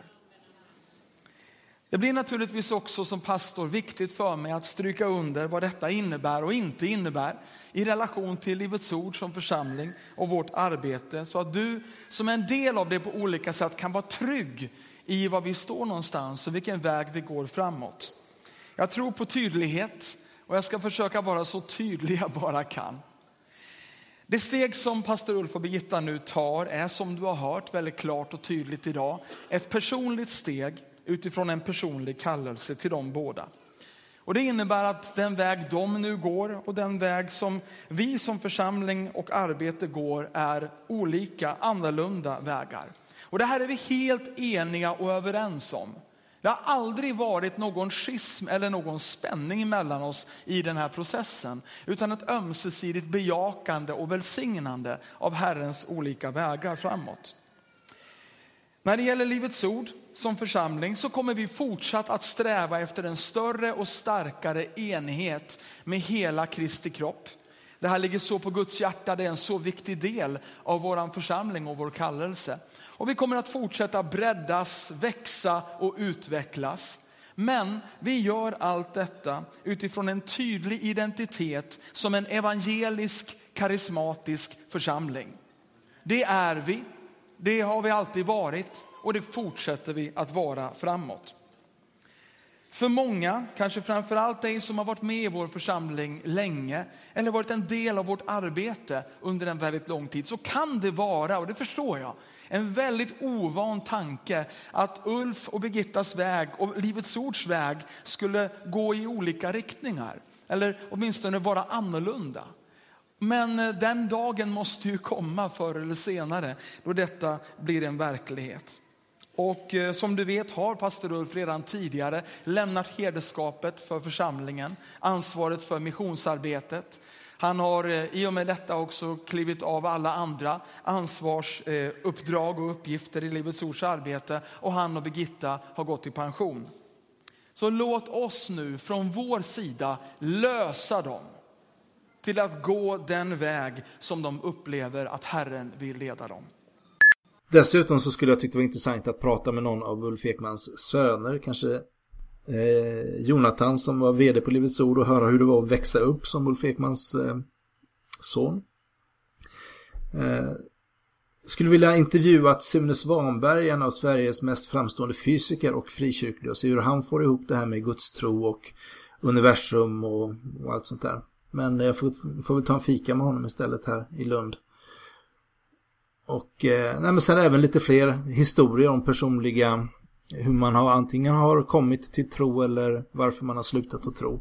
Lite mer sådana samtal kanske jag skulle vilja ha gjort. Du då? Eh, min ambition var ju att försöka få podden i en annan riktning än vad den fick mot det politiska. Eh, det var ju därför den, vi döpte podden till Mellan svart och vitt och inte något namn då med kopplingar till livsåskådning. Jag tror inte det var därför blev. vi bytte den till, eller att vi döpte den till Mellan svart och vitt. För att eh, öppna upp för politiken. Alltså jag, jag ville hålla det öppet. Alltså vi, vi visste ju inte riktigt vart vi skulle komma. Och eh, därför lät ju mellan svart och vitt eh, som ett bra namn för då, då spelar det ingen roll vad man diskuterar egentligen. Mm. Men jag lyckades ju inte med min agenda då. Eh, men samtidigt så tycker jag att det blev ju en intressant och givande podd som jag absolut ville vara en del av. Så svaret på frågan är ju att jag hade velat ha mer politik. Jag ville ju ha en serie kring valet eh, där vi intervjuade alla partier förutom SD. Och att vi inte intervjuade SD var ju för att jag ville göra en tydlig markering då att det inte är okej okay att, att göra skillnad på folk och folk. Mm. Jag skulle egentligen tyckt att eh, det intressantaste skulle varit att intervjua någon lämplig person eh, hos SD. Mm, ja, fast då, då, då gör man ju inte den här tydliga markeringen. Ja, men det, för det intressanta, jag är inte så jättenyfiken på vad är det som driver någon att bli folkpartist liksom. Det känns ju liksom så här, jada jada. Däremot någon lämplig person, eh, jag vet ju de har ju någon lite yngre tjej där med en kristen bakgrund. Det vore kanske intressantare att höra hennes story då. Ja, vi har ju som sagt olika infallsvinklar, jag och du. ja, eh, Men det har ju gått bra i 67 eh, avsnitt så att uh, inget fel med det. Men jag tänkte bara säga som så här. Nu, nu kommer vi sluta med den här podden. Yep. Så om det är någon där ute som vill starta upp en politisk podd så vet ni att jag är intresserad. Call me up. All right. Det lät ju spännande. Ja, ja varför inte? Ja. Jag tycker det är kul att prata så att ehm, och politik är ännu roligare att prata om så att eh, gärna. Ja. Så det kanske inte är slut med Dragan i eten då? Så ja, att, vem eh, vet, vem vet? Nej, nej, men det får vi puffa lite för. Och jag vet också att du har nämnt att du funderade på att börja blogga. Ja, jag funderar på att göra det. Och gör jag det så kommer vi ju lägga ut en länk på uh, hemsidan så att man kan klicka på den. Jag kommer även göra reklam för den via Twitter så att ni lär inte missa det. I alla fall ni som följer mig på Twitter. Ett annat avsnitt som skulle bli av var ju mitt band The Lounge och släppet av den nya plattan. Som nu kommer komma precis när som helst. Okay. Jag håller på att göra slutmixen. Men inför det här avsnittet så bad jag min kollega att göra en eh, mix av en av mina favoritlåtar på den nya plattan. Så jag tänkte faktiskt ta och spela upp en världspremiär eh, av den nya singeln från The Lounge som heter Sunshine. Varsågoda!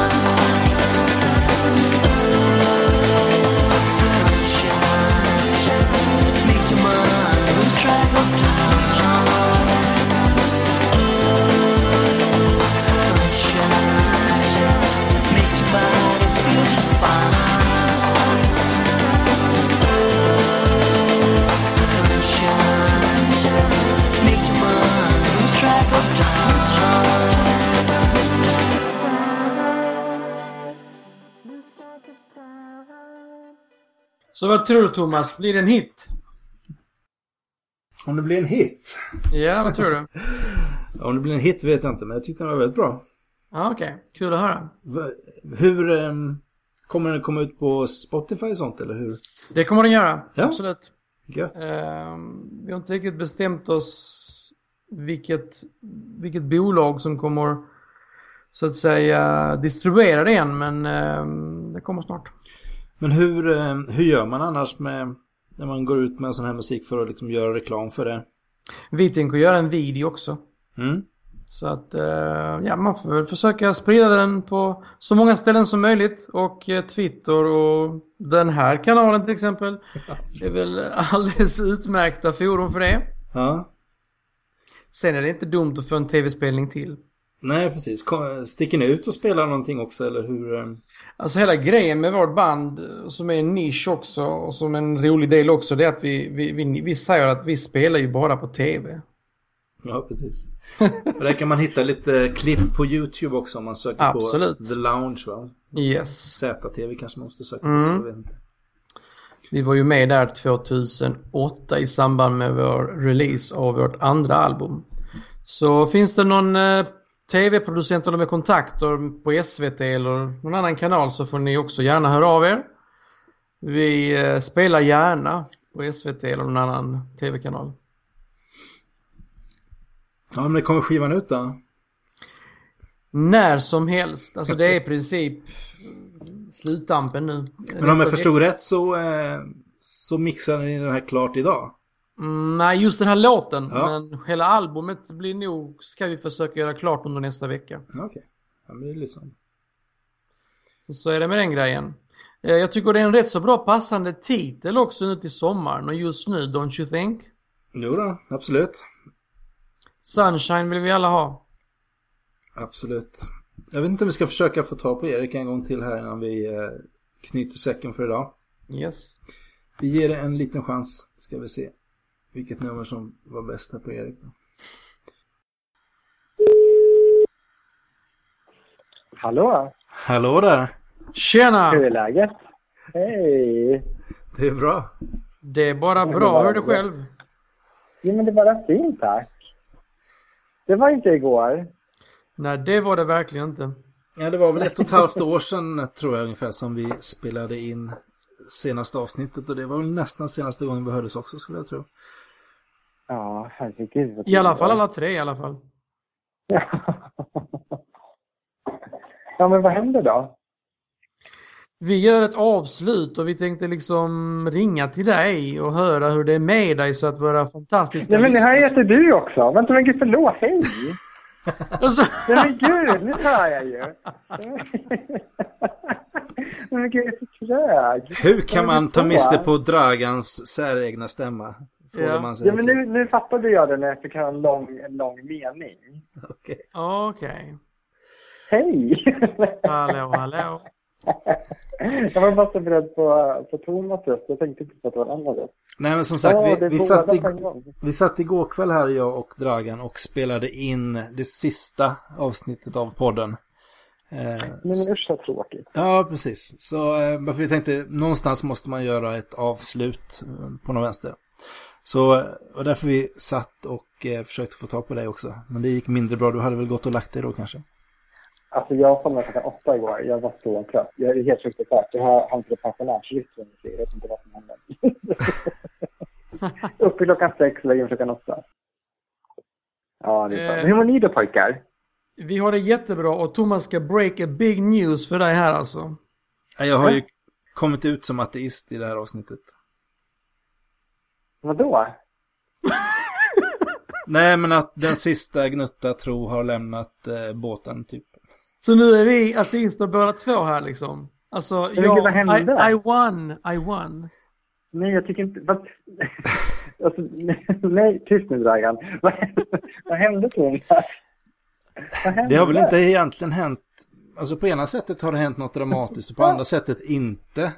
Det är mer mm. att när tiden har gått lite och saker och ting har fått mogna till sig så plötsligt så insåg jag att att jag hade inte min identitet som kristen längre. Eh, det, det, har inte ändrat sig så mycket vad jag trodde på eller inte trodde på, men bara hur, hur jag identifierar mig. Eh, och, och, det vet ju du själv att det sitter ganska hårt inne. Eh, mm. Om man är uppvuxen i, ja, i ett religiöst sammanhang och så. Det är en väldigt stor del av en själv. Mm. Och, eh, och där tror jag, i och med podden och sånt där också så har man träffat mycket människor som har en, eh, haft lite liknande resa eh, och som man kan identifiera sig eh, en del med och, eh, och sådär. Man har kanske fått lite, eh, vad ska man säga, lite nya verktyg och språkbruk och sånt där att, eh, att vad ska man säga, formulera sina tankar och vad man tycker och känner och sånt där. Så att, ja, så blev det. Det skulle vara jättekul om, om du bara nu säger så att jag har blivit, vad heter de, Railan, hette de så? Nej, de som trodde på... Vad hette det?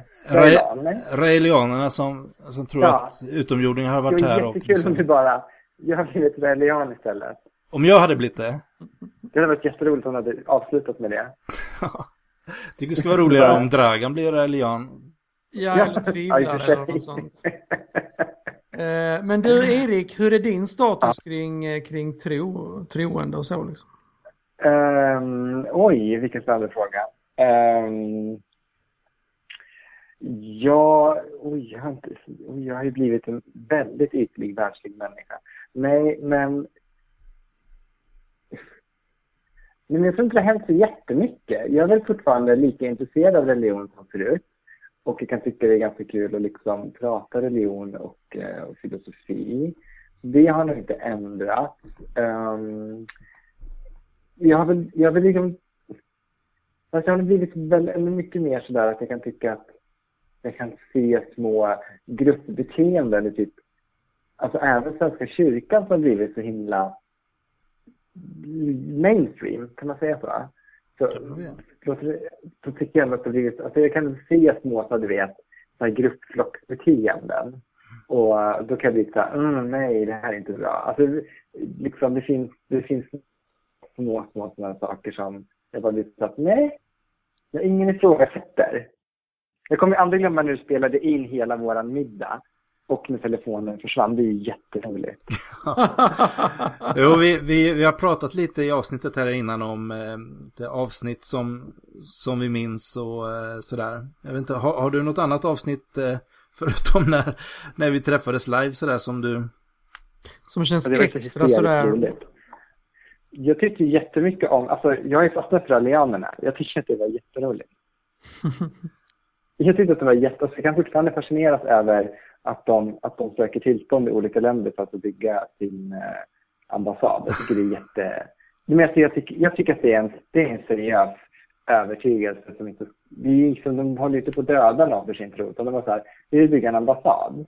Ja, kan man säga, mark. Jag bara, men alltså jag skulle nog, om jag hade mark, helt seriöst, som inte jag behövde, så skulle de banne mig få den.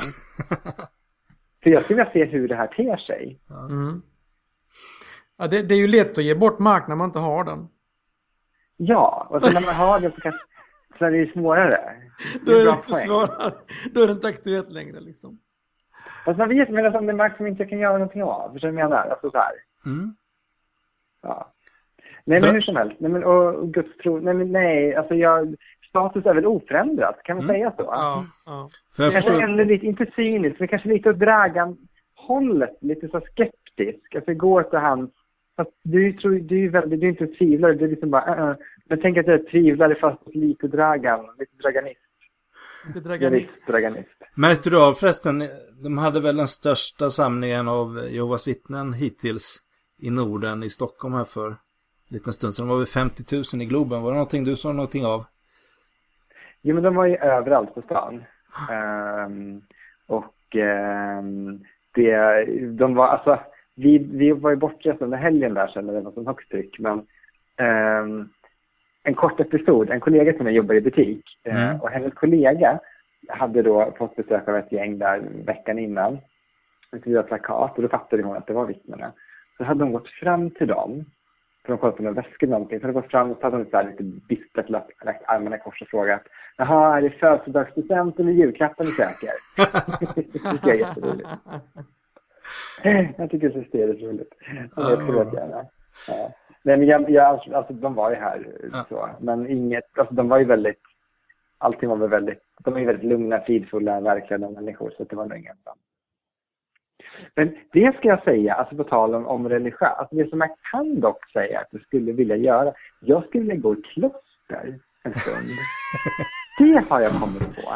Gör det, gör det när du är helt fit. Deffad. Ja, när jag är kloster då. vältränad. ja, men det är väl ett bra tillfälle att bli vältränad.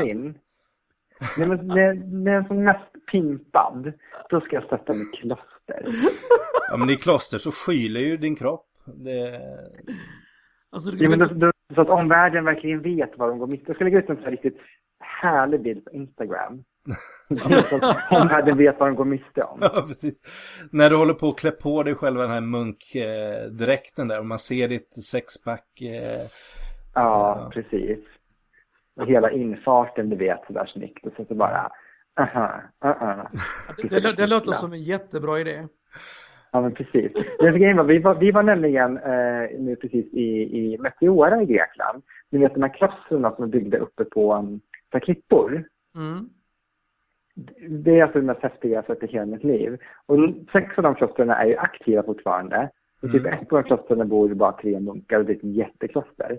Uh, och man kan liksom höra av sig till, till, till högste munken och uh, så, amen, bara säga tja, jag vill komma dit typ, och ha en tyst vecka. Man kan bara, för det är många som har pratat om att man kan åka dit och vara tyst ett tag. Mm.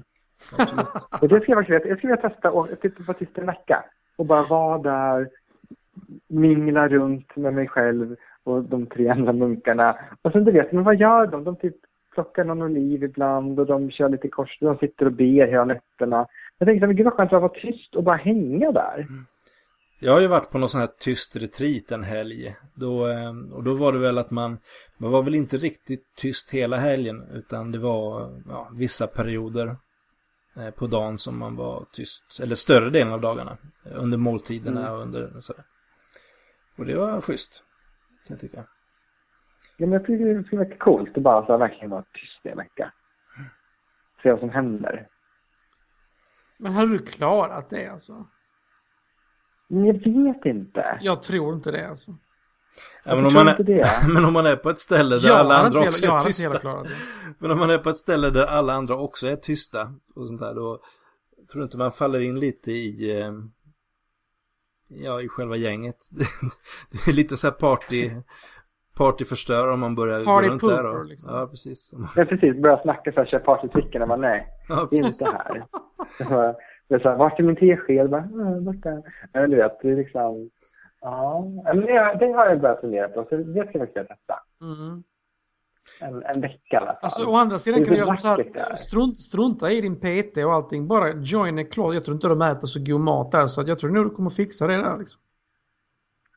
Uh, att skapa en sixpack där och sen gå ut, det måste vara bättre än att gå in där med sixpack liksom. Ja. Men åh, för det sista avsnittet. Yes. Ett och ett halvt, det, är bara, det är bara ett och ett halvt år försenat liksom. Det var ändå. ja, men allting har ju ett slut och det känns ju lite... Dels kan det kännas... Hur ska, vi gå, hur ska vi gå vidare nu när vi är två ateister liksom? Det går ju inte. Ja, men lite är det. Själva, själva programidén var ju lite dynamiken med att ha, ha olika infallsvinklar. Um, så och det kan man väl säga, det kan man ju fortfarande ha även om båda är icke-troende eh, rakt av så. Men man tappar ändå lite grann, eh, tycker mm. jag. Men sen, eh, sen för min egen del också så, eh, så har jag inte riktigt eh, tiden eller engagemanget för, för närvarande. Men jag, jag, jag, har ju, jag har ju lagt ut en, eh, en liten cliffhanger nu och uppmanat om det är någon som liksom vill eh, starta upp en podd med mer politiskt innehåll så eh, kan jag tänka mig vara med där. Så vi får se om det är någon som nappar. Va? Jag kan vara politisk också. Jag kan vara jättepolitisk. Ja, men då kan jag och du starta en podcast då helt enkelt. Men gud så spännande. Vad ska jag säga då? Jag är duktig på politik. Jag kan du får inget. vara väldigt politisk helt enkelt. väldigt politisk. Oj, oj, oj. Jag tänkte säga, men ni har väl bort vår TV, vår tv-version av det här som vi kom fram till att ha en kvalitetsmätning på ja, Pro.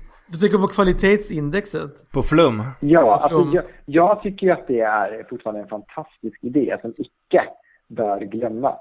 Men du, men du hör här, kvalitetsindex på politik. Det, ja, det, ja, det är inte lika kul. Nej, Nej. inte lika Nej, kul det... men det kanske funkar. Man kan, man kan smygstarta på att testa, testa liksom idéerna, men alltså det skulle vara jättekul med ett kvalitetsindex på, på just liksom så här religion och tankar kring tro. Kanske alltså, en eh, YouTube-kanal-idé. ja, eller typ så betygsätta liksom så här. Man har, säg tio olika kriterier och så bara betygsätta. Ungefär som det trafikmagasinet med rattarna. Då hade de sex olika punkter och så provkör man en religion och bara okej, okay, som får två biblar av fem möjliga. Det är jätteroligt. Nästan tre helgon av två möjliga. Det, är, alltså det, är, det går att göra hur som helst. Kanske ska prata högt om det, här får jag bort. Nej då, men, men det, det skulle vara en fantastiskt rolig idé. Jag har en annan rolig idé. Eh, som jag inte vet om ni fattar, men i alla fall. Eh, pastorer, framförallt inom frikyrkan, eh, brukar ägna en rätt stor del av sin predikan åt att berätta historier. Och det är ofta hur de har varit med om olika mirakler till höger och vänster. Sådär. Men, men, men vänta nu här lite grann. De berättar väl alltid historier? ja, alltså men... även när de liksom läser Bibeln? Jo, men Oj, oj, oj. Nu vart vi famna igen. Men, I just had to. I ja, okej. Okay. Ja, precis. Nej, men till, till, skillnad från, eh, som det kanske är i Svenska kyrkan, där det är lite mer ordnat. Man har en kyrkoordning, man läser vissa texter, man lägger ut den texten och sådär. Så så är det många pastorer som mer går in och kör kanske ett bibelord och sen kör de massor med stories eh, som de kör kanske rätt så ofta också om fantastiska saker som de har varit med om eller som någon annan har varit med om eller ja, som de har hört talas om.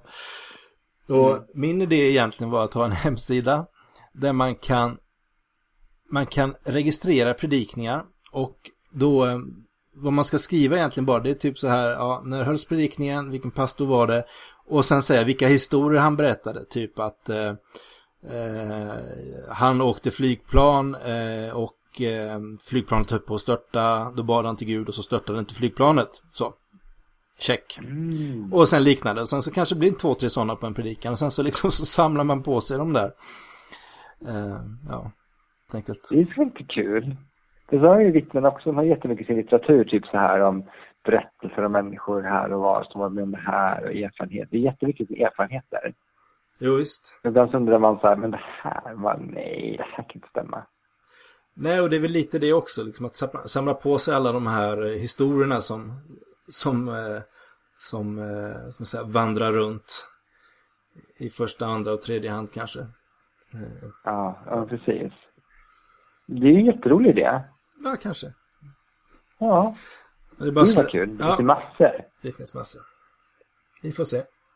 Vi vill väl egentligen bara ringa och eh, säga hej. Det kändes lite fel att eh, stänga butiken utan att ha kollat läget med dig. Jag vet också att det är många oh, lyssnare som ära. gärna skulle vilja höra din röst en gång till. Så att... Eh... Ja, gud vad gulligt. Men hörni, ta hand om er då. Du också. Absolut. Så, så, så hörs vi. Det gör vi. Du får hälsa alla, alla lyssnarna också, eh, Erik. Hej alla lyssnare. Och, och hej då. Eh, och hej då alla lyssnare. Precis. Hej och hej då. Kram till alla. Puss och kram. Ja. Då har vi nått vägs ände här då. Det har vi gjort. Jag har hällt upp ett eh, litet glas med Fernet här för att, att fira avslutningen. Okej. Okay. Då borde jag hälla upp ett glas eh, rosé då. Ja, kanske det. Nej, det är ju artisternas favoritdricka här och så att... Eh, Vad sa du? Fernet? Ja, Fernet Branca. Det är, det är alkohol va? Ja, visst är okay. det. Rekommenderas. Ja men det, som artist så måste jag ju också liksom eh, prova det i alla fall. Får du göra. Mm. Vi får ta och skåla i det nästa gång vi träffas, eh, Thomas. Precis.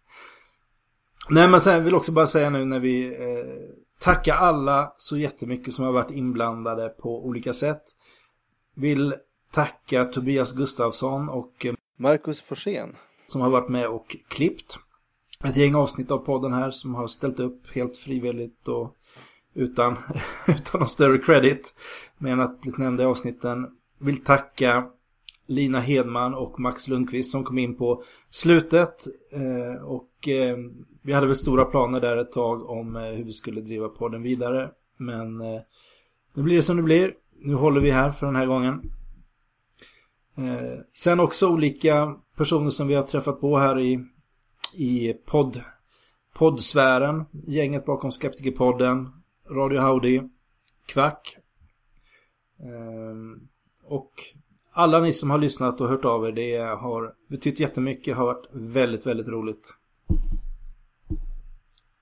Har du några sista ord, Dragan? De sista orden jag skulle vilja säga är att eh, visst, det här är sista avsnittet men ni kan ju alltid gå tillbaka och lyssna på gamla avsnitt. För det finns ju en hel del guldkorn där som ni hörde, som vi spelade upp. Ja, precis. Har du, har du nyss hittat i podden så ja, börja lyssna från början. Det finns en hel del eh, kul grejer där tycker jag. Mm, absolut. Men då tackar vi för oss, eh, Thomas. Ja, jag vill tacka dig Dragan också. Och jag vill tacka dig också Thomas. det... det har varit ett gott samarbete tycker jag. Det tycker jag.